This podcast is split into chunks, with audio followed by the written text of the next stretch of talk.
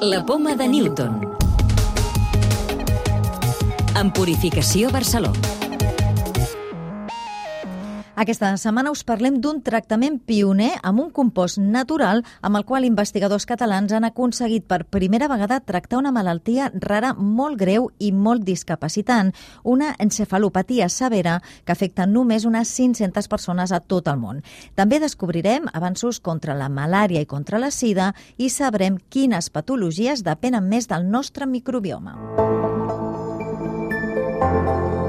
Investigadors de diversos centres catalans liderats des de l'IDIVell i especialistes de Sant Joan de Déu han aconseguit tractar l'encefalopatia severa en una nena de només 5 anys. Quan va arribar a l'hospital no aguantava el cap, no es comunicava ni caminava ni tenia capacitat motora i van provar una teràpia basada en un compost alimentari. Ens ho expliquen Xavier Altafag, responsable de l'IDIVell en la recerca, i Àngels García Cazorla, cap d'investigació en neurologia de Sant Joan de Déu. Una malaltia pediàtrica que afecta el sistema nerviós i és una malaltia minoritària que fa molt poc que s'ha descrit, no fa ni tan sols 10 anys, té un origen genètic, és a dir, la mutació provoca una clínica doncs, molt severa, retard mental, bueno, discapacitat intel·lectual, de vegades cursa amb epilèpsia i de vegades també presenta trastorns de l'espectre autista podia mantenir bé eh, el cap aixecat, no podia seure, no podia manipular objectes, nena amb molt poca mobilitat, tampoc no hi havia un bon contacte visual, un bon seguiment eh, ni a les persones ni als objectes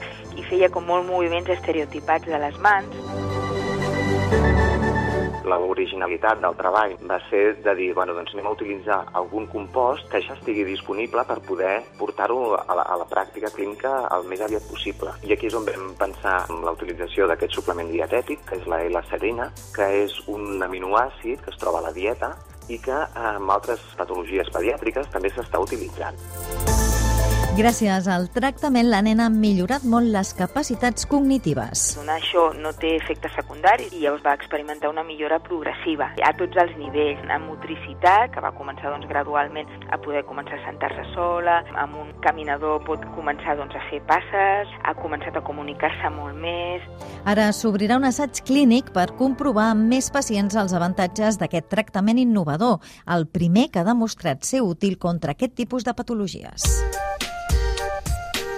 Més coses. Investigadors de l'Institut de Salut Global de Barcelona, centre impulsat per la Caixa, han descobert que l'actual vacuna contra la malària, l'RTS, accelera el procés natural de protecció contra la malaltia. La vacuna només inclou un antigen de la malària, però la població vacunada desenvolupa de manera molt ràpida altres anticossos contra la malaltia. Ho explica Carlota Dobaño, directora de la investigació. En aquells nens que reben la vacuna comparat amb els nens que no la reben, a més a més de potenciar els anticossos, que és lo esperable. També es potencien els anticossos enfront un altre grup d'antígens que no estan a la vacuna, però que el paràsit sí que té, i veiem que estan associats a una millor capacitat de controlar la malaltia. Investigadors de l'Institut de Recerca Vall d'Hebron i de l'Hospital Clínic aconsegueixen en assajos amb cèl·lules eliminar per primera vegada fins a un 60% del reservori del virus de la sida. Ara caldrà fer assajos amb animals i desenvolupar un fàrmac que es pugui utilitzar en humans. Maria José Buzón, líder de la investigació. Es la primera vez que se identifica una molécula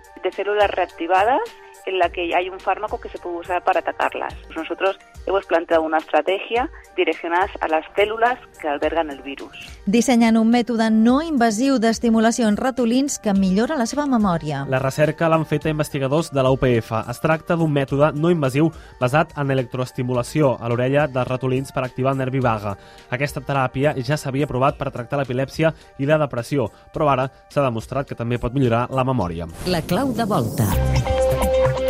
Quines malalties es veuen més afectades per canvis en el microbioma, és a dir, en els microorganismes del nostre cos? Josep Tabernero, director de l'Institut d'Oncologia Vall d'Hebron. Això té impacte en tots els aspectes funcionals de l'organisme. Té impacte doncs, en totes les activitats metabòliques, com el control del sucre, el control d'altres hormones, té impacte inclús en malalties del sistema nerviós central, amb l'esclerosi múltiple, té impacte, òbviament, amb les malalties més lligades al sistema immunitari, com les infeccions, com són el càncer.